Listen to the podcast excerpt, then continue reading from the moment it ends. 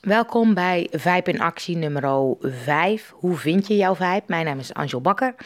En vibe staat voor verbinding, inspiratie, beleving en energie. En voor mij gaat het heel erg over uh, hoe vind je je vibe. Is, gaat heel erg over wat is jouw essentie. Wat doe jij de dingen die je leuk vindt, die bij je passen, uh, waar je blij van wordt enzovoort. En dat is het proces waar ik uh, de afgelopen jaar in gezeten heb. Van hey, wat is nou mijn vibe? Wat, waar word ik blij van? En um, dat vond ik een lastig proces, want ik merkte in het begin dat ik heel weinig energie had, dat ik het niet zo goed wist en dat ik absoluut niet in die vibe zat. En dat ik nu begin dit jaar gemerkt heb dat ik wel die vibe weer voel. En dat ik nog steeds dan het lastig vind om de focus aan te brengen van oké, ik voel de vibe wel, maar um, wat ga ik dan precies doen? En um, wat mij geholpen heeft om mijn eigen vibe zeg maar, te, uh, te vinden, is in ieder geval stil te zijn. En dat is niet iets wat ik van nature goed kan. Maar ik mediteer regelmatig en ik merk dat ik heel erg een actiepersoon ben. En dat ik weinig tijd neem om echt stil te zijn. Om echt gewoon te zitten, te mediteren. Maar ook gewoon um, um, tijd te nemen om gewoon even na te denken. En even uh, te voelen wat. wat past bij mij? Wat, waar, uh, waar word ik door geraakt? Waar, het gaat heel erg, ik ben heel erg op onderzoek uit geweest. En dat helpt me heel erg om inderdaad te kijken... Uh, wat kan ik goed? Waar word ik blij van? Wat heb ik het afgelopen jaar gedaan? Uh, wat ik heel leuk vond en wat juist niet? Wat, waar wil ik mee stoppen? Um, dus dat zelfonderzoek, en dat, dat is gedeeltelijk stil zijn, maar gedeeltelijk ook echt onderzoeken in de zin van uh, wat je leuk vindt, wat je gedaan hebt, wat mooie momenten waren, uh, wat frustrerende momenten waren, waar je steeds tegenaan loopt, uh, loopt wat je in je huidige of vorige werk superleuk vond. Um, maar ook wel wat, wat anderen van je vinden. Ik heb uh, ook wel uh, feedback gevraagd van, nou, wat vind je nou dat goede eigenschappen van mij zijn? Wat zie jij in mij uh, qua beroep of qua wat ik, wat ik te doen heb? Um, en het gaat soms ook het gesprek met mezelf aangaan. En dat, dat kan je zijn, je kan jezelf tegenover jezelf neerzetten op een andere stoel. En eens gaan praten met jezelf. Uh, laatst uh, uh, deed iemand een oefening met mij om in gesprek te gaan met mijn hart. Nou, dat klinkt misschien heel erg zweverig. Maar het is echt superleuk op het moment dat je dat doet. Dat je eens gaat kijken van oké, wat wil mijn hart eigenlijk? Weet je, waar loopt het warm voor? Uh, waar wordt het door geraakt? Waardoor het, en door dat een soort van buiten jezelf te zetten, uh, helpt dat. Je kan ook fictieve personen tegenover je zetten waarvan je denkt: hé, hey, die mening vind ik belangrijk. En ga daar maar eens op die plek zitten van die persoon. En kijk dan vanuit die plek naar jou.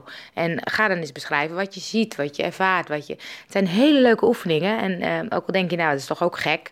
Nou, doe het gewoon in je eentje een keer en ontdek wat het oplevert. Want het, het juist door een andere bril naar jezelf kijken, en daar heb je soms wat oefening voor nodig, uh, maakt dat je soms ziet: oh, wacht even, maar dat is wel hetgene wat uh, jou uh, heel, heel erg blij maakt of enthousiast maakt.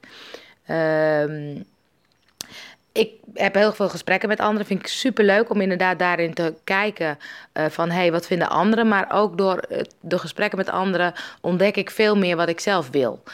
Want soms geef ik eerlijk toe, dan beïnvloedt het mij ook. Hè, als anderen zeggen, ja, maar dat is wel goed, of dat moet je niet doen, of zou je dat nou wel doen, of dat is te veel risico. Of, nou, daar kan ik dan soms even van slag van zijn, maar ik merk dat ik door al die meningen van die anderen, dat ik daardoor veel meer mijn eigen weg kan vinden en kan volgen.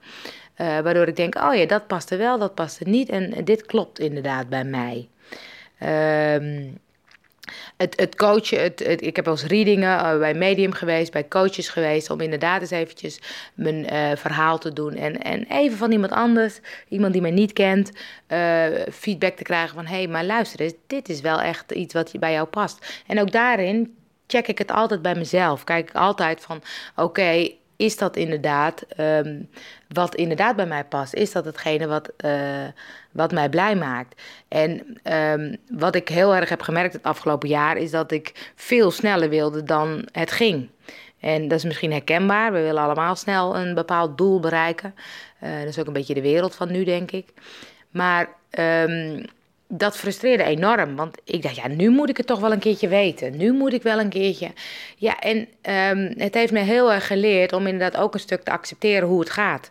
Ik doe mijn best. Ik uh, ben bezig om een nieuwe weg te vinden. En ik merk nu dat ik weer vol met energie zit. Dat ik zin heb om dingen te doen. Uh, dat voelt super fijn. En nu is het dus ook de tijd om weer dingen neer te gaan zetten. En uh, dit jaar was gewoon inderdaad een soort uh, stiltejaar, terugtrekjaar. Um, ja, een beetje een bezinningsjaar om even dichter bij mezelf te komen en een nieuwe weg te gaan. En ik merk dat juist doordat het zo lastig ging, dat ik ook veel meer snap hoe dat voor anderen kan zijn. Ik weet dat ik altijd eigenlijk tot nu toe altijd heel makkelijk mijn pad heb gevonden. En dat het heel vanzelf ging. En nu denk ik, wow, dat is echt ingewikkeld op het moment dat je het niet weet. En ik zie nu natuurlijk heel veel jongeren, of er zijn volgens mij heel veel jongeren, die niet zo goed weten wat ze willen. Omdat er zoveel keuzes zijn. En omdat er zoveel verwacht wordt in de maatschappij. Um, dat het heel ingewikkeld is van wat zal ik nou gaan doen. Dus door die moeilijke periode merk ik wel dat ik denk: oké, weet je, het is heel belangrijk om daarin ook de tijd te nemen. Uh, om echt goed bij jezelf stil te staan van wat is wat ik wil. En het gewoon dingen uitproberen, dat is prima. Weet je, het hoeft niet te lukken. En dat zeg ik ook heel vaak tegen mezelf, want het voelt niet altijd zo. Ik wil wel graag dat het lukt. Uh, maar dat hoeft niet. En um, dat weet ik ook. En dat is de, de, het risico om gewoon dingen te proberen. Dus wat, wat daarin heel erg ook helpend is, is om je belemmerende overtuigingen te ontdekken. Weet je, ik zie inderdaad dat ik denk, oh ja, als ik wat nieuws probeer, dan moet het eigenlijk lukken. Of als ik een webinar geef, dan moet ik in ieder geval minimaal 20 deelnemers hebben. Of, uh, of 50. Of, want anders vind ik het niet fijn. Of, weet je, en dat uh, stuk van oké, uh, ik hou mezelf tegen omdat ik bang ben dat het niet lukt of omdat mensen het niet leuk vinden. Of zo'n podcast, ik zit nu te kletsen en ik hoor de belemmerende overtuiging in mijn hoofd, weet je. Ik hoor van ja, weet je, ik zit er nu heel overtuigend allemaal dit te vertellen, maar wie zegt dat ik de waarheid spreek? En uh, zitten mensen hierop te wachten? Ik weet het niet, maar die overtuigingen die zitten echt in mijn hoofd en die zul je ook herkennen. En dan denk ik, oké, ik ga gewoon het risico nemen. En misschien vindt niemand het leuk. En dan uh, heb ik er in ieder geval zelf wat aan gehad. En het is echt een soort angst van, zal ik dit de wereld inzetten? Of zal ik gewoon straks op stop drukken en hem gewoon in de prullenbak gooien, dit bestand? Um, dus, en het bewustzijn van, want ik, ik ik hoor ze in mijn hoofd en dat maakt ook dat je denkt, oh, zal ik wel, zal ik niet. En dan toch het risico nemen dat je denkt, oké, dit, dit, is prima, weet je. En als het niet prima is, is het ook goed. Niet iedereen zit op jou te wachten, niet iedereen zit op mij te wachten. En dat is helemaal goed. Dus de mensen die het luisteren en die tot nu toe zijn gekomen, die vinden het blijkbaar interessant. En um, je hebt altijd een juiste doelgroep, zeg maar. Er zijn altijd mensen die je iets kan leren, die geïnspireerd raken of die uh, iets willen wat jij misschien kan of weet. Of, um, dus die overtuiging, uh, helpt veel meer dan de belemmerende overtuiging. Ja, maar wie zit nou op mij te wachten?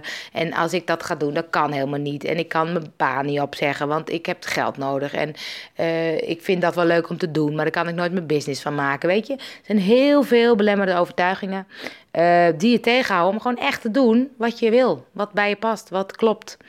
En uh, je hoeft niet meteen je baan op te zeggen en te gaan, oh, dan ga ik dus gewoon uh, alles doen wat ik wil. Maar je kan ook op een wat, uh, met wat minder risico kijken, oké, hoe kan ik een avond in de week gewoon iets op gaan zetten wat ik leuk vind. En daar misschien wat geld bij gaan verdienen, waardoor ik wat minder kan gaan werken. Of weet je, er zijn heel veel verschillende opties die wel kunnen en die je wel wat mogelijkheden geven. Dus. Um, ja, voor mij gaat het veel, heel erg inderdaad. Ontdek die belemmerende overtuigingen. En ja, zet er iets anders tegenover of gooi ze overboord. Wat ook voor jou het beste werkt. En eh, ik ga deze podcast gewoon uh, online zetten. En dan hoor ik graag wat je ervan vond. Ook als je het uh, zegt van joh, ik zou wat meer dat of dat willen horen. Of um, zou je het daar eens over kunnen hebben. Maakt niet uit. positieve, negatieve feedback. Ik vind het super fijn om te horen. Ik merk dat ik het heel leuk vind, want ik klets best uh, gemakkelijk. Dus, um, dus, ik vind het heel leuk om deze manier mijn, mijn, uh, mijn ervaringen, mijn ideeën, mijn gedachten te delen. En ik ben wat minder een blogger en ik was altijd veel bezig met inderdaad blogschrijven. Maar eigenlijk is dit voor mij een, eigenlijk een fijnere manier, dus ik denk dat ik nog even doorga. Als je er meer over wil weten, kan je kijken op www.angelebakker.nl. Tot de volgende keer.